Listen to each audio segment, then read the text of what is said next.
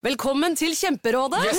Denne gangen har vi fått inn et kjempedilemma fra en familie. Okay. Jeg leser Hei, vi er litt uenige i familien her. Mm. Hvis du skulle vært et dyr, ville du hatt gjeller eller vinger? Oi, den er tricky. Ja, Hva ville dere hatt, da? Altså, jeg vet ikke, men Med familierabatt får de ubegrenset data fra Telenor fra 399 kroner. Da kan de jo scrolle seg til svaret, rett og slett. Ja, ok, Men for min del Ja. gjelder. Nei, nei, Gjelder. nei, vinger. Nei, nei, gjelder. Ja, okay, ja, Kjempebra. Men eh, se nye mobilabonnement på telenor.no, da.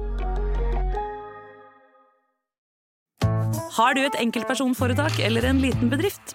Da er du sikkert lei av å høre meg snakke om hvor enkelt det er å levere skattemeldingen med fiken, så vi eh, gir oss her. Fordi vi liker enkelt. Fiken superenkelt regnskap. Skal du pusse opp eller bygge noe nytt? Ikke kast bort tid på å lete etter håndverkere selv. Gå inn på mittanbud.no og lag en beskrivelse av jobben du ville ha gjort. Så mottar du tilbud fra flere erfarne håndverkere som du kan sammenligne. Med mange tilbud er du sikrere på at du velger riktig bedrift, og at jobben blir skikkelig utført. Mittanbud.no få jobben gjort.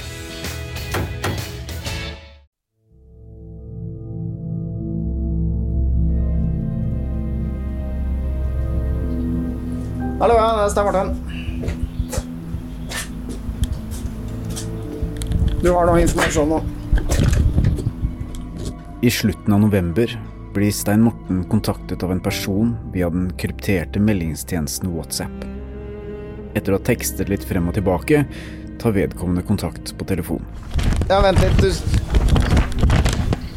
Ok, hendelsesforløp og ting som ble funnet på åstedet. Vent, vent litt, Rane. Jeg skal bare involvere Helge i samtalen. Litt, vent litt, Rane. Helge, Helge. Personen i andre enden hevder å ha informasjon om Jonas-saken. Informasjon som har å gjøre med funn gjort ved drapsstedet og politiets etterforskning. Ja, nå er det på høyttaler. Hei. Personen forteller oss at han vil få store problemer dersom det kommer ut at det er han som har gitt oss denne informasjonen, og han ønsker derfor å være anonym.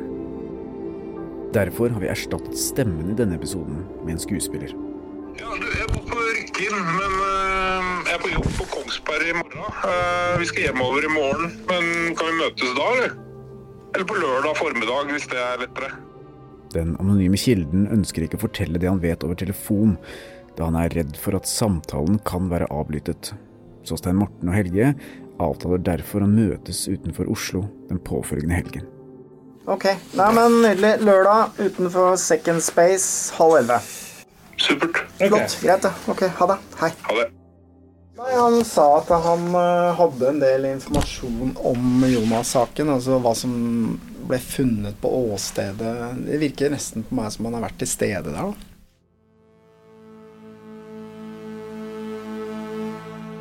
Hva skjedde egentlig på hytta på Nes i Ådal den dagen Jonas ble drept?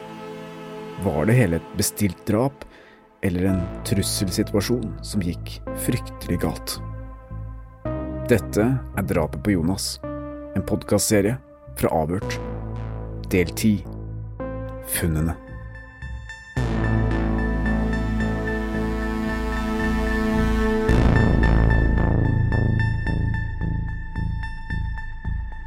Fem personer har vært siktet etter drapet på Jonas Henriksen.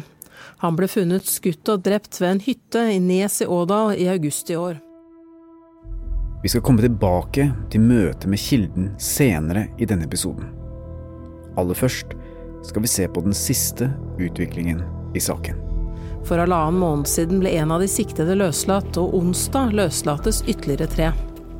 Onsdag 19. desember, fire måneder etter at Jonas ble funnet drept, kom nyheten om at tre av de fem siktede slippes ut av varetekt. Da politiet mener det ikke lenger er noen bevisforspillelsesfare ved at de går fri. Politiet er sikre på at det ligger et personlig motiv bak drapet, og ønsker å beholde den siste av de siktede i varetekt. Likevel opprettholdes siktelsen mot alle fem. Den første som ble pågrepet i saken, 28-åringen fra Rena, blir fortsatt holdt i varetekt. Etter hva vi har fått opplyst, peker bevisene mot at det var denne mannen som utførte selve drapshandlingen. Mannen som tidligere har vært utpekt som hovedmannen, 32-åringen fra Noresund, er en av de som nå går fri.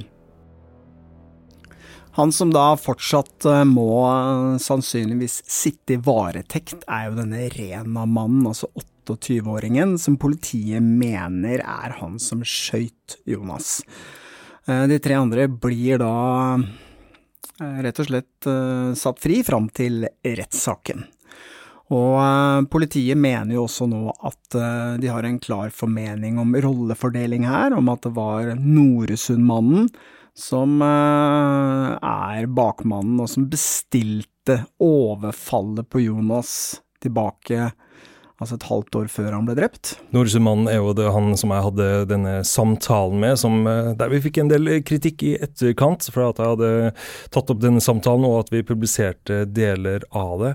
Eh, I samtalen med Norsemannen så var han jo veldig klar overfor meg at han kjente ikke til Jonas, hadde knapt hørt om han, hadde ikke noe med den saken her å gjøre.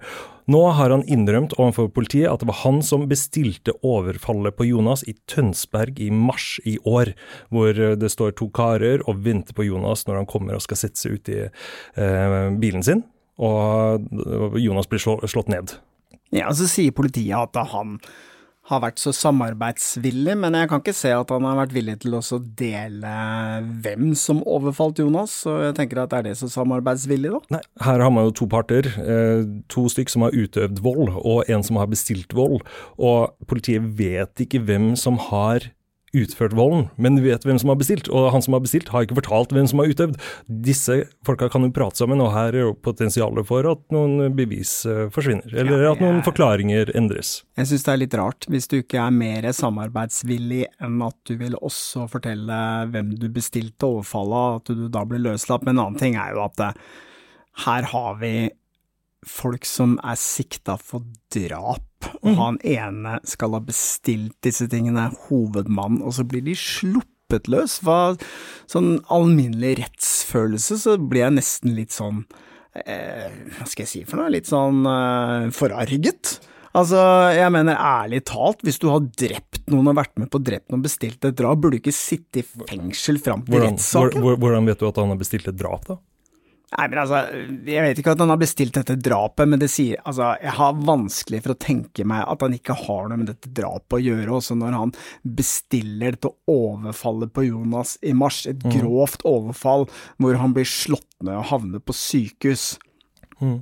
Og så knyttes han til eh, disse andre også, at han ikke har noe å gjøre med drapet på Jonas, syns ja. jeg er litt merkelig. Ja, men det er jo en stor forskjell på om eh, du har bestilt noen for å banke opp Jonas, og så ender det med et drap, enn om du bestiller en drapshandling. Ja, jeg er for så vidt enig med deg at vi vet ikke jo hva han har bestilt. Det er mulig han har rett og slett bestilt at eh, de skal gi han juling, men det ender jo med at Jonas dør ja. ender jo med et drap uansett, og da mener jeg at da burde du sitte i fengsel fram til rettssaken. Jeg synes det er ganske merkelig at du blir sluppet løs.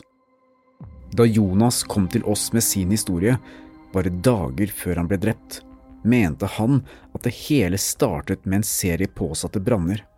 Senere eskalerte dette med det brutale overfallet, tagging, trakassering og hærverk. Informasjon som har kommet frem i etterkant, peker nå mot at brannene ikke var relatert til det som skjedde senere, men at det var et sjalusimotiv som lå bak da Noresundmannen bestilte overfallet og trakasseringen av Jonas. Han innrømmer altså å ha stått bak bestillingen av et overfall nede i Tønsberg. Og politiet mener jo at uh, hans motiv for å gå løs på Jonas i det hele tatt er, har noe med sjalusi eller noe, noe personlig, gjøre. Motiv, da. Ja, ja. Og de var jo tidlig ute etter at de eh, pågrep Noresundmannen og sa at det dreide seg om sjalusi. Mm. Så det har de sagt tidligere, og nå sier de et personlig motiv. Personlig så syns jeg det var litt snodig at politiet gikk veldig kjapt uh, ut i mediene etter pågripelsen av hovedmannen og sa at uh, motivet er sjalusi. Veldig uvanlig. Men de står jo fast ved det fremdeles. Vi ønsker jo ikke å gå noe særlig inn i uh, de detaljene som vi har fått opplysninger om rundt dette sjalusimotivet, fordi at uh, denne Noresund mannen har jo en historikk. Han er jo straffet tidligere for å ha eh, slått ganske kraftig til en tidligere kjæreste, så hun faktisk måtte opereres i øyehulen. Så jeg tenker at uh, vi lar det ligge, akkurat uh, detaljene rundt det.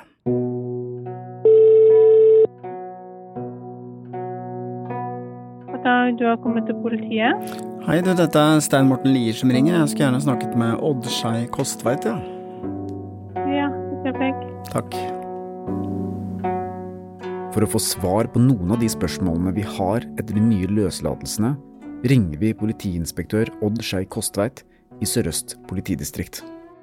Du, aller først så lurer jeg på hva er grunnen til at dere løslater eh, denne 32-åringen, altså den antatte hovedmannen?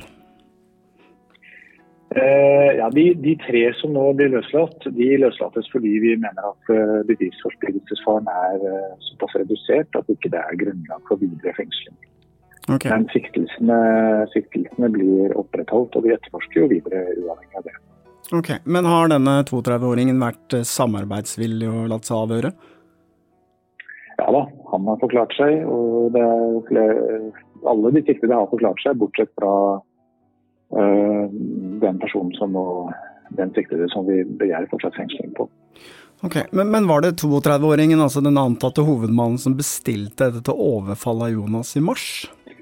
Uh, han, har, uh, han, har, erkjent at han uh, har medvirka også til det. Så han har medvirka til det, altså bestilt eller vært oppdragsgiver da, til, til det, den voldshendelsen i mars. Og, og skadeverkene både mot bolig, kjøretøy og tagging eh, her rundt på, på Hønefoss. Så han har erkjent medvirkning til, til disse sakene. Ok, Men når det gjelder det overfallet i mars, har han også da vært samarbeidsvillig og fortalt hvem som utførte det overfallet? Uh, nei, det har han ikke. Så vi jobber videre med, med det. Men, uh, men han, vi har ikke fått noe navn fra, fra han eller andre.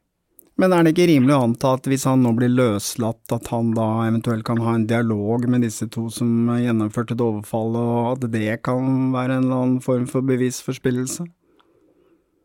Eh, det kan det nok være, men nå har han eh, vært i varetekt i fire måneder. og Vi har jobba også med, med, det for øye, å identifisere de. Så eh, der tenker vi at vårt hovedfokus er drapet. Og så så kommer vi så langt vi kommer i forhold til eh, både voldshendelsen og, og øvrige impliserte i, i eh, skadeverkene. Ok, Men i forhold til at disse tre blir løslatt, altså den ene er da antatt hovedmann for et drap. Hva tenker du om liksom den alminnelige rettsfølelsen at de blir satt fri? Burde ikke de sitte i varetekt fram til rettssaken? Det er jo drap vi snakker om her? Ja, det er, en, eh, det er jo en spesialbestemmelse i straffeprosessloven som, eh, som, eh, skal ivareta den alminnelige rettsfølelse, men den er, den er, en snever regel. og Den mener vi at kan brukes i forhold til han som nå blir begjært fortsatt fengsla. Og så mener vi at ikke er at vilkårene ikke er oppfylt for de tre andre siktede. Så Det er en sånn, sånn sammensatt vurdering. Så, um, men jeg skjønner at det, kan bli, at det kan bli reaksjoner på det. Men uh, der er det, der er det rett og slett uh, lovens bestemmelse som avgjør, og, og, um, og den må vi jo føye oss etter. Men du, hva kan du si om dette sjalusimotivet, hva vet dere om det? Eh, jeg bekrefter ikke på noen måte sjalusi, men jeg sier at eh, det som er det bakenforliggende motivet eh, for både voldshandlingen i mars og skadeverkene, og også planleggingen av det som, det som endte med, med drapet, det er, et, det er personlig motiv. Så det er et motiv som, som har tilknytning til minst en av de siktede. og som har en bakgrunn som, som eh, Jonas eh, ikke eh, kunne kjent til, egentlig. Han var ikke kjent med, med, med dette, eller det som skal ha vært motivet. Da Noresundmannen ble pågrepet lørdag 30.9, gikk politiet ut og sa at de jobbet ut ifra et sjalusimotiv. Men nå vil ikke Kostveit bekrefte sjalusi, men kaller det altså personlig. Kanskje er motivet litt mer innviklet enn først antatt. Men det hele startet altså med overfallet utenfor kjærestens bolig i Tønsberg i mars, og varte helt fram til Jonas ble drept i august. Eh, etterforskerne så at det var en sammenheng. Politiet har nå gått ut og beklaget til Jonas sin nærmeste familie at de ikke handlet tidligere da Jonas anmeldte disse sakene. Her gjennom påtaleleder i Sør-Øst politidistrikt, Kjell Johan Abrahamsen, på NRK Dagsrevyen. Men, men allikevel så, så, ble de aldri eh, slått sammen til én større sak og gitt en høyere prioritet. Og Det er derfor jeg, som øverste ansvarlig for straffesaksbehandlingen i politidistriktet, har funnet det riktig på vegne av ledelsen å uttrykke min beklagelse til familien. Men det som er tankevekkende, og nå har jo politiet i dag vært ute og gitt en unnskyldning via pressemelding til familien for at ikke de tok alle disse hendelsene nok på alvor i forkant av drapet. Og 11. august, da vi traff eh, Jonas, og han fortalte oss denne historien, så var han jo veldig tydelig på at uh, disse hendelsene var det de samme personene som sto bak. Og da ja. han ble drept, så var jo vi relativt sikre på at det drapet hadde noe med alt som hadde skjedd med Jonas. Og nå, mm. noen måneder senere, etter en lang etterforskning, så viser det seg at det stemmer. Mm. Det er de samme gutta, disse hendelsene, alt det som skjedde, kan knyttes direkte til at Jonas ble drept. Og da er det jo et betimelig spørsmål å stille, som politiet ikke har svart på, er Altså, kunne Jonas ha levd i dag hvis politiet faktisk hadde tatt det på alvor og etterforske disse tingene, og eh, disse gjerningspersonene hadde skjønt at uh, her var politiet etter dem, istedenfor bare henlegge alt sammen. Mm. Jeg tror det er viktig å poengtere dette skillet mellom uh, disse brannene i betong, krokbil og bobil fra de andre hendelsene, tagging, eh, steiner gjennom ruta, overfall. Det er viktig det du sier nå, fordi at eh, vi var jo ganske sikre på at brannen i betongbilen startet alt sammen. Mm. Men nå ser det jo ut som om det faktisk ikke helt stemmer.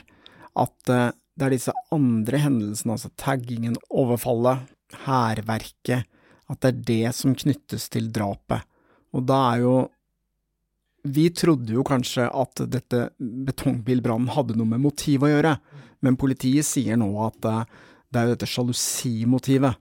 Så det var to Jonas trodde jo at det var brannen i betongbilen. Ja, ja. Mm. og det er jo en glidende overgang der, fordi at Hønefoss-mannen, denne 32-åringen som ble pågrepet som nummer tre, han ble jo nevnt av Jonas som en av de som var knytta til disse personene som hadde, han mente hadde med brann å gjøre. Vi har jo skjønt etter hvert som vi har jobbet med denne saken at det er et veldig lite miljø, og folk kjenner hverandre, og det er mye overlapp her. Det er ikke noe tvil om det. Eh, så det er ikke så helt lett å skille disse personene, for det går veldig i hverandre, han kjenner han og så mm. videre. Men, men disse to personene som Jonas knyttet til for eksempel brannen i betongbilen, de har jo ikke blitt implisert i denne saken. Politiet har jo ikke siktet de, eller eh, sagt noe om at de hadde noe med dette å gjøre.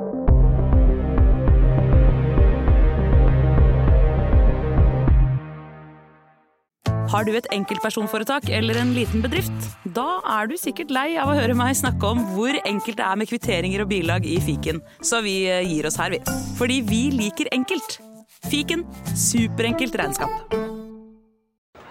Er det noen som har hørt noen ting som helst om faktura 100374? Venter fortsatt på innbetaling fra 100330 og en hel haug andre som er langt over forfall. Ja, men De pengene de må inn på konto nå! Vi skal jo investere nytt utstyr! Vent litt og pust med magen. Med Amili, en ny helhetlig løsning fra Visma, får du alt du trenger for raskere betaling og rom for å gjøre de investeringene som trengs. Og det beste av alt, du kan bruke tiden mer verdifullt. Se hvordan på amili.no. Hallo, ja, det er Stein Martin. Ok, hendelsesforløp og ting som ble funnet på åstedet. Vent, vent litt, jeg skal bare involvere Helge i samtalen. Litt, vent litt. Helge, Helge. Det er i slutten av november. For noen dager siden ble Stein Morten kontaktet av en mann som kan fortelle at han har informasjon om Jonas-saken. Han ønsker ikke å gå nærmere inn på hva informasjonen er over telefon, annet enn at det handler om politiets arbeid på åstedet og funnene som ble gjort i etterkant av drapet. Jeg tenker at lørdag kanskje er best, fredag er litt sånn Men lørdag kanskje når klokka Hva tenker du er best for deg? Stein Morten og Helge avtaler å møte mannen den påfølgende helgen. Eh, Jeg tipper jeg kjører for å rykke inn pluss-minus ti-tida, kanskje. Jeg vil helst møte så langt E18 et sted. da. Ok. De har avtalt å møtes på Second Space minilager på Fornebu. Et lokale rett ved E18 hvor man kan leie lagerplass. Det er lite aktivitet rundt lageret denne lørdagen, og når Helge kommer dit, ser han at Stein Mortens bil allerede står parkert utenfor bygningen. Ja, da er Stein Morten eh, litt tidlig ute av grunnen. På møtestedet. Hallo. Hallo. Tidlig, tidlig du har vært ute. Du, jeg har vært her en halvtime. Hvorfor det? Fordi at eh, når jeg skal treffe sånne kilder som dette her, som jeg ikke kjenner i det hele tatt Vi må ikke glemme at dette er en drapssak. Jonas ble jo lokka på hytta og ja, skutt. så, så vil jeg gjerne treffe folk på et offentlig sted. Men han insisterte på at vi skulle treffes her, og det er jo ikke en kjeft. Men, men hva har han egentlig sagt? Nei, hvorfor er du stressa? Nei, altså han er ikke noe annet enn at uh, han foreslo dette her som et møtested. Ja. Og så tenkte jeg ok, det, hvor mye folk er det her på en lørdag formiddag? Det hadde jeg rett i, det var ikke veldig mange. Hele parkeringsplassen her er tom. Ja. Men uh, hva, hva har han sagt om informasjon? Hvem er han, liksom? Nei, han er en uh, fyr som har vært tett på åstedet. Mm.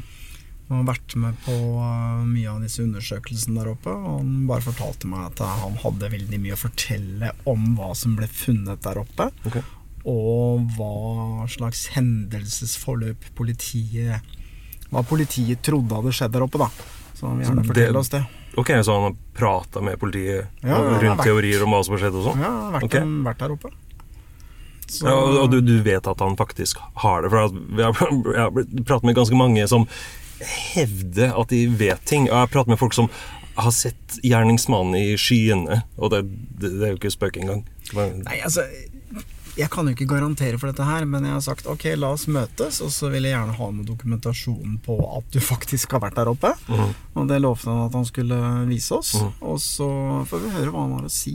Eh, Det er jo, vi veit jo ikke, men han hørtes veldig troverdig ut. Mm. Nesten nøyaktig 10.30 svinger en blå Toyota Vensis inn på parkeringsplassen, og stopper ca. 30 meter unna. Må jo være han, tror du ikke det? Men skal han komme bort hit, eller skulle vi kjørt Nei, altså, mot jeg han, har eller? avtalt at vi skulle møtes der borte. okay, men kjør da. eh, ja, vi Kjør. kjører bare bort igjen, tenker jeg. Ut av bilen kommer en mann iført en olivengrønn boblejakke og blå caps. Han ser seg litt rundt før han går bort til Stein Mortens bil og setter seg inn.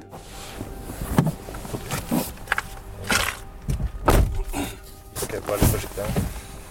Hei, hei. Hei. Hei da. Hei. Du, øh, nå Det her er opptaker. Vi gjør opptak av den samtalen her hvis det er ok. Ja, det er greit. Stemmen du hører i denne episoden, tilhører ikke kilden som ønsket å møte oss denne dagen. Stemmen er erstattet med en skuespiller for å beskytte hans identitet. Ok, men uh... Men eh, det er viktig at dere anonymiserer meg. da. Jeg kan få store problemer hvis det kommer ut at jeg prater med dere. Ja, ja, selvfølgelig. Ok, nå er jeg spent. Um, hva kan du fortelle oss? Kilden starter med å vise oss bilder fra åstedet på hytta i Nes i Ådal. Bilder som aldri før har blitt vist offentlig. Det er tydelig at denne personen snakker sant. Han har vært involvert i undersøkelsene på åstedet. Det har vært eh, De har vært der flere ganger og gjort tekniske undersøkelser. da. Men eh, første gangen var det bombegruppa til politiet som sjekka området. eh, rundt hytta med metalldetektor. Etter det parkerte politiet bilene sine der. Han forteller at de første undersøkelsene av hyttetomta og området rundt ble gjort av bombegruppa, som så klarerte åstedet for videre undersøkelser. Vi har sett disse bildene i mediene. Kriminalteknikere i hvite dresser og politisperringer som gikk helt ned til veien som ledet opp til hytta. Etter at bombegruppa hadde klarert området, slapp politiet inn med bilene sine på tomta. Politiet leite etter mobiltelefonen til Jonas i området rundt hytta. Eh, En Samsung-telefon. To måneder etter drapet, i oktober, kom politiet tilbake for å gjøre nye undersøkelser. De skulle nå lete etter Jonas sin telefon. En av to som Jonas hadde. I bilen hvor Jonas ble funnet død, fant de en iPhone. Men Samsung-telefonen, den Jonas skal ha brukt mest, og sannsynligvis den som han hadde brukt til å kommunisere med de som lokket ham opp til hytta, den var ikke å finne. Så det ble satt i gang et nytt, utvidet søk av hytta og området rundt. Da oppdaget de ved en tilfeldighet bare at eh, bombegruppa ikke hadde gjort eh, jobben sin. Ifølge kilden ble det nå gjort nye funn, under der hvor politiet nå hadde parkert bilene sine, inne på hyttetunet. Funn som skulle bli svært relevante for etterforskningen. Parkerte politibilene oppå rundt hytta der. Ja. Eh, Da de oppdaga det og flyttet bilene sine, ble det funnet mange tomhylser. Eh, Og flere av dem var såpass eh, nye at de kunne ha vært tilknytta til det drapet. da. Det ble funnet flere tomhylser, disse metallhettene som dekker kulen i et skytevåpen, og som separeres fra kula når våpenet fyres av. Disse hylsene spretter ut av våpenet og faller ned på bakken. Mange slike hylser lå spredt på bakken, og hadde ikke blitt oppdaget før nå. Det var 22-kaliber-hylser. Eh, De lå på tunet foran hytta og verandaen hvor det ble funnet skuddskader. Og dette fant de da ikke før etter to måneder? Mm, det stemmer. Kilden forteller jo at eh, under disse parkerte politibilene så ble det funnet veldig mange tomhylser. En del av de var gamle, så Mm. noen har åpenbart stått der og skutt tidligere, men det var noen også som var helt nye, og muligens da kan knyttes til denne hendelsen. Det ble òg funnet en hylse med prosjektil i. Ja, et skudd da som ikke hadde gått av. Mm. Men det, det absurde her er jo at disse funnene blir gjort to måneder etter drapet. Hvordan er det mulig? Og politiet har vært der med bombegruppa, det var det jo ganske eh, kjapt på banen med, og gjorde søk med bombe, politiets bombegruppe oppe på tomta, eh, og klarerte området. Og da var det opp med masse krimtekniske biler, og politi, sivil, vanlige patruljebiler, oppe og ned. Kjørte frem og tilbake over dette tunet, og under der så lå jo hylsene fra pistolen som ble brukt til å, skyte Jonas. Det er helt vilt. Og det verste er jo at dette ble oppdaget ved en tilfeldighet. Mm. De mente jo selv at eh, åstedet var eh, grundig nok undersøkt, Mm. og så ved en helt tilfeldighet så bare ja, men jøss navn, det ligger jo masse tomhylser under disse bilene vi har parkert. Det er jo eh, Jeg vet ikke hva jeg skal si. Det er ikke Mm. imponerende. Nei. Hva mer vet du om eh, det åstedet? Ja, eh, jeg vet at det ble funnet hjulspor fra en bil med tynne dekk rett ved innkjøringa til hyttetunet. Um, Så teorien er jo at gjerningspersonene kom til åstedet med bil og parkerte rett på innsiden av hyttetunet. Eh, Jonas må ha kjørt forbi dem, for han kjørte bilen sin med henger rundt hytta og parkerte på baksida. Så bilen til gjerningspersonene sto rett ved innkjøringa til hyttetunet. Altså den eneste veien inn og ut. Og Jonas parkerte bak hytta. Og tomhylset ble funnet mellom bilen til gjerningspersonene og der hvor Jonas sin bil sto parkert, er det du sier? Mm, det ser du. Dronebildene fra hyttetunet har blitt publisert i flere medier. På disse bildene kan man se traktorveien som leder opp til hytta gjennom skogen. Veien tar en sving før den ender på oversiden av hyttetomta. I midten av tomta ligger den nå svært kjente hytta med røde karmer og torvtak. På hver side av tomta ligger to mindre bygg. Ifølge kilden skal de ha funnet spor av en bil ved innkjøringen til tomta. Det er nærliggende å tro at dette er bilen til gjerningsmennene.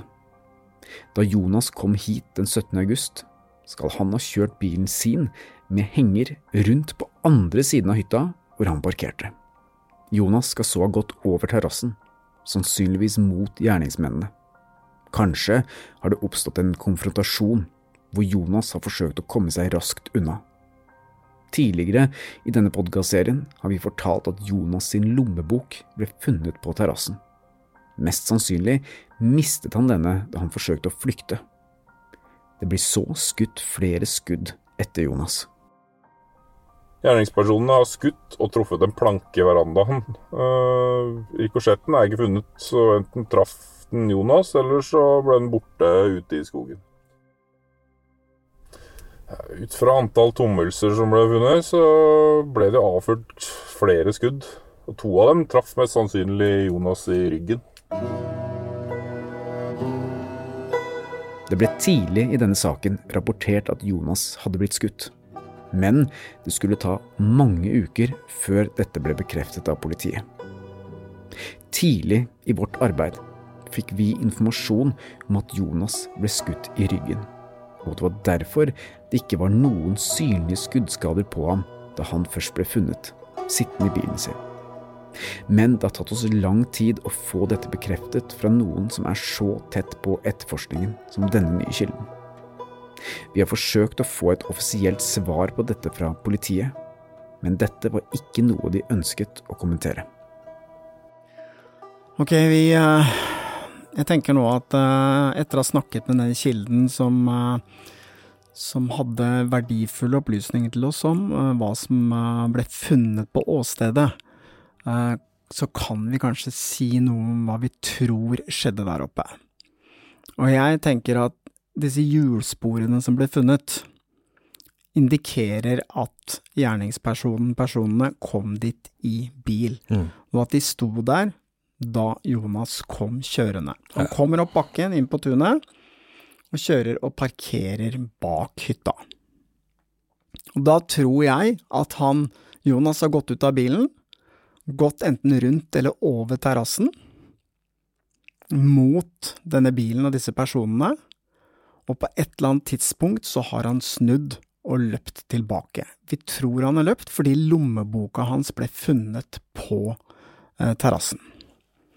Vi vet ikke om det var slik at Jonas så disse personene, så våpenet, eh, ble redd og snudde og løp, eller om det var en eller annen konfrontasjon som endte med at han snudde og løp. Og så har sannsynligvis denne Rena-mannen nå, da, eh, skutt, og det ene skuddet traff noen planker i verandaen. Og vi har hørt at det var en rikosjett som traff Jonas i leggen. Deretter så har han fortsatt å skyte, fordi det ble funnet mange tomhylser akkurat i det området, og traff Jonas to ganger i ryggen. Og så virker det som om Jonas har klart å komme seg inn i bilen, og kjørt ut fra hytta, ned bakken, kommet 80–100 meter ned bakken, sannsynligvis mistet bevisstheten og kjørt ut i grøfta. Men om han kjørte først, eller om gjerningspersonen, personene, kjørte først, det vet vi ikke. Jonas sto parkert med en relativt stor bil med henger på motsatt side av hytta. Han har blitt skutt to ganger i ryggen. Det vil være en stor prøvelse for ham å sette seg inn i bilen og snu den rundt for å komme seg tilbake på veien ned fra hytta. Og for å gjøre dette må han kanskje forbi gjerningsmennene. Etter det vi vet, ble det ikke funnet skuddskader på bilen eller i hengeren, så det er lite som tyder på at de har prøvd å skyte etter Jonas etter at han kom seg inn i bilen. Basert på det vi nå vet om funnene, om tomhylsene og lommeboka, tok ikke gjerningsmennene seg tid til å rydde opp etter seg. Men én ting må de ha fått med seg – Samsung-telefonen. En annen ting som er litt eh, interessant her, er jo denne telefonen til Jonas, som vi vet at politiet har søkt etter. Mm. Og ikke, i hvert fall for noen uker siden, ikke hadde funnet. For Jonas hadde to telefoner. Den ene ble funnet i bilen, den andre sporløst borte. Ja, og det som er interessant med den telefonen, det er at eh, den har sannsynligvis blitt knust, fordi at eh, når du slår av en telefon, så går det en melding til en basestasjon om at telefonen er slått av. Den meldingen ble aldri sendt, og da er det eneste alternativet at noen har knust den telefonen, og sannsynligvis kvittet seg med den et eller annet sted. Mm. Og da har vært mange søk rundt hytta for å prøve å finne den telefonen. Signalene fra telefonen forteller at den har blitt knust, eller på en annen måte skrudd av på uvanlig vis, på hytta eller på veien ned fra hytta. Dette er informasjon vi har fått fra andre kilder, så her er vår informasjon noe usikker. Men det forteller oss at det er noen som mest sannsynlig ikke har ønsket at politiet skal finne sporene på denne telefonen. Og når denne podkastepisoden publiseres, skal ikke Samsung-telefonen være funnet. Da vi starta å jobbe med denne saken, Helge, så hadde vi jo satt oss fore at vi skulle forsøke å finne ut hva som skjedde med Jonas, og hvorfor. Og etter en lang høst og mye jobbing og uh, mange teorier, så begynner jo ting nå å falle på plass. Politiet har jo vært ute og bekrefta en del ting også. Og at ting hadde en sammenheng, at drapet hadde en sammenheng med det som mye av det som skjedde med Jonas i forkant, det er jo bekrefta nå. Og veldig mange av de personene som vi hadde høyt oppe på lista vår, har jo blitt siktet i denne saken. Og det aller viktigste var kanskje å få liksom en forståelse av hva som hendte med Jonas, da. Vi vet han ble lokket opp på hytta, og så vet vi nå, sånn noenlunde i hvert fall, kan si noe om hva som foregikk den skjebnesvangre dagen opp på hytta. Fordi Jonas ble jo lokket opp. Uh, han trodde han skulle opp og så ha service på en brønn, og det var jo da en av gjerningspersonene som brukte en falsk ID for å bestille det oppdraget. Så Jonas kommer kjørende opp med bilen sin og denne hengeren med utstyret, og han kjører inn på hyttetunet og parkerer bak hytta. Og så ut ifra det som har blitt funnet på åstedet, så ser det ut som det har stått en bil parkert akkurat ved innkjørselen til hytta. Og så tror vi nå da at Jonas har gått ut av bilen sin og gått over denne terrassen, eller rundt den, mm. og møtt disse gjerningspersonene som da står og egentlig sperrer utkjørselen fra hytta. Og så vet vi ikke om det har blitt en fysisk konfrontasjon, det vet vi ikke. Eller om det har blitt en krangel, eller om Jonas rett og slett har sett disse personene, sett våpenet. Mm. Men på et eller annet tidspunkt så har han snudd og løpt tilbake mot bilen sin. Sannsynligvis over terrassen, for der er jo lommeboka hans blitt funnet, så han har mista den. Og mens han løper mot bilen, så har disse skutt mot ham. Du sier at han løp, det vet vi jo ikke 100 Han kan å ha gått. Det er ikke sikkert han visste hva som kom. Det er ikke sikkert at Jonas forsto at uh, dette var en oppheta situasjon, før han uh, fikk disse skuddene i, i ryggen. Nei, du så har jo rett i det, da, men han har jo mista lommeboka si, så jeg føler at det har gått ganske fort i og med at han hvis ikke så ville han kanskje bøyd seg og plukka den opp, men, men vi vet jo at det har blitt skutt først i terrasseplankene, og deretter så har de truffet ham i ryggen. Og så har han jo klart å komme seg inn i bilen sin, og kjørt ut og ned bakken, det vet vi. Men vi vet ikke om han kjørte sist eller først, det vet vi ikke. Nei. For det kan jo godt hende at han at de tenkte at eh, ok, vi må bare komme oss fort vekk etter denne hendelsen, og så har gjerningspersonen kjørt, og så har han sittet i bilen sin, og så har han klart å starte bilen, og så har han kommet seg ut og 80-100 meter ned bakken og mistet bevisstheten og kjørte ut i grøfta. Det kan godt ha hendt. Politiets arbeid har vært et alvorlig tema gjennom hele vårt arbeid med denne saken. Jonas sin motivasjon for å ta kontakt med oss var nettopp det at han ikke følte at han ble tatt på alvor av politiet, etter at han gang på gang fikk anmeldelsene sine henlagt. Etter drapet har man sett at politiet har snudd. Flere av de henlagte sakene har blitt tatt opp igjen, og vi hører annet i en ny episode fra våre kollegaer i Krimpodden at talsperson for Jonas sin familie, Ivar Borgen, forteller at familien føler seg ivaretatt av politiet, og at de har inntrykk av at politiet har gjort et veldig grundig arbeid i etterforskningen av drapet. Denne nye informasjonen vi nå har fått fra den anonyme kilden, gjør allikevel at vi må sette spørsmålstegn ved hvor grundig dette arbeidet faktisk har vært. Og vi tok også en prat med inspektør Oddskei Kostveit om dette. Du, jeg bare lurte litt på dette åstedet oppe ved hytta, fordi at eh, når var det politiet gjorde funn av eh, tomhylser? Eh, Var det da bombegruppa kom opp og gjorde undersøkelser? Jeg kommer ikke til å si noen detaljer rundt når vi har funnet ting, og hvilke ting vi har funnet. Så det går jeg ikke inn i nå. Ok, for vi har nemlig hørt at eh, det tok to måneder før politiet fant ganske mange både gamle og nye tomhylser på tunet utafor hytta. Kan du bekrefte at det stemmer? Nei, det kan jeg ikke. Men jeg kan bekrefte at vi har vært der gjentatte anledninger. Både rundt hytta og, og i store områder langs veien ned til der Jonas ble funnet, og også videre. Så det er gjennomført eh, flere søk og grundige søk. Okay. Men kan du bekrefte at politiet parkerte bilene sine over Uh, der hvor det ble gjort funn? Altså at det sto parkerte politibiler over et sted hvor det da uh, lå mange tomhylser som ikke var funnet tidligere, og dette var to måneder etter drapet? Nei, det kan jeg ikke bekrefte. Men kan du avkrefte det, da? Nei, det kan jeg ikke verken bekrefte eller avkrefte. Okay. Så jeg kommer ikke til å fortelle noe rundt hvilke funn vi har, og om vi har tekniske bevis eller ikke og sånne ting. Det, det kommenterer jeg ikke nå. Det kommer senere.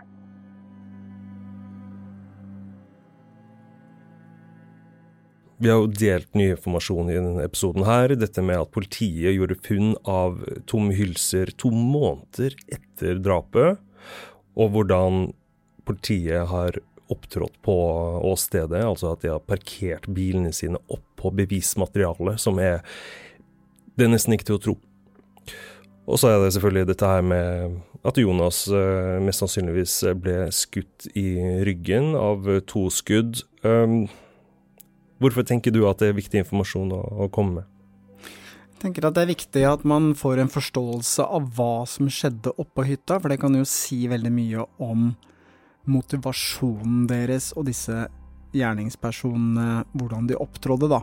Og det har jo veldig mye å si for f.eks. straffeutmåling i en rettssak. Var dette et overlagt drap, Mm. eller var det rett og slett at han ble lokket opp dit for å gi en juling? At de hadde med våpenet for de skulle true han. Eh, og det, de ser at han prøver å stikke av til bilen, og så fyrer de løs. Eh, To skudd i ryggen fremstår ikke i mitt hode som et uhell. Nei, det gjør ikke det. Det framstår for meg som veldig sånn sikte og treffe, at det var eh, med forsett.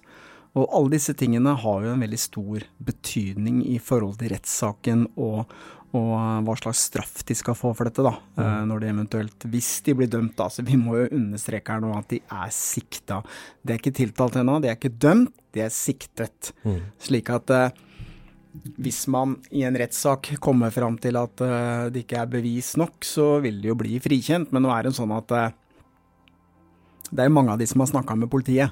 Den eneste som ikke har snakket med politiet, er jo denne Rena-mannen, som politiet nå mener at det var han som skjøt ham. Ja, og han blir jo sittende i varetekt inntil videre. Men dette mener jeg er viktig å få fram, fordi at eh, det forteller mye om eh, kvaliteten på politiarbeidet. Eh, at politiet kanskje ikke har gjort verdens beste jobb her. Jeg syns det er viktig å få fram, for jeg tror ikke det vil komme fram i det hele tatt hvis ikke vi hadde snakket om det nå. Det ville i hvert fall ikke komme fram i en rettssak. Det er ikke noe å tro på. Det ville ikke politiet lagt fram.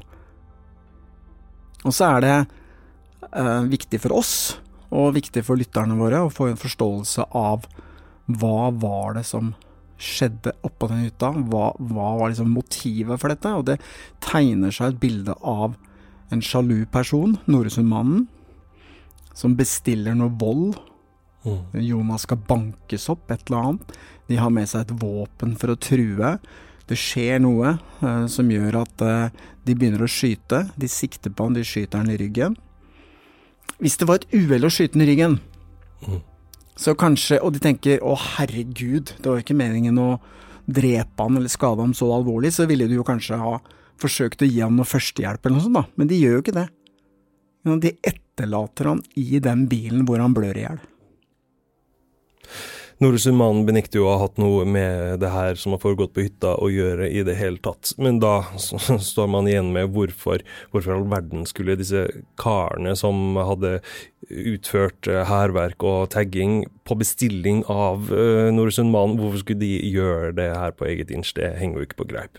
Nei, de gjør jo ikke det. Ikke i det hele tatt. Den eneste sannsynlige forklaringen er at uh, noen har bedt dem om å gjøre det.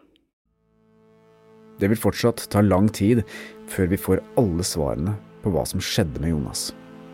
Kanskje vil vi aldri få vite helt sikkert hvordan alt henger sammen. Fem personer ble siktet og pågrepet i forbindelse med drapet. En sjette person er for øyeblikket etterlyst for å ha noe med taggingen å gjøre. Men når denne episoden publiseres, er det bare én av disse som sitter i varetekt. Ingen har så langt blitt tiltalt. Kostveit forteller at etterforskningen fremdeles pågår for fullt, og at den vil fortsette i en aktiv fase utover våren. Politiet tar sikte på å bli ferdig med etterforskningen før sommeren 2024. Sannsynligvis vil ikke saken komme opp for retten før neste høst. Avhørt kommer til å fortsette jakten på sannheten.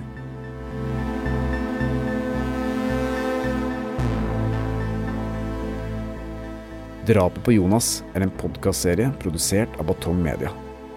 Redaksjonen vår består av Stein Morten Lier, Helge Molberg, Marius Søvik Bergersen og meg selv, produsent Lars Christian Nygårdstrand. Temamusikken til Avhørt er laget av Altered States, og du finner oss på Facebook og Instagram.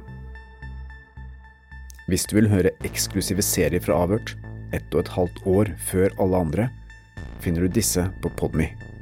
Gå inn på podme.no, eller last ned Podme-appen. Ansvarlig redaktør i Batong Media er Stein Morten Lier.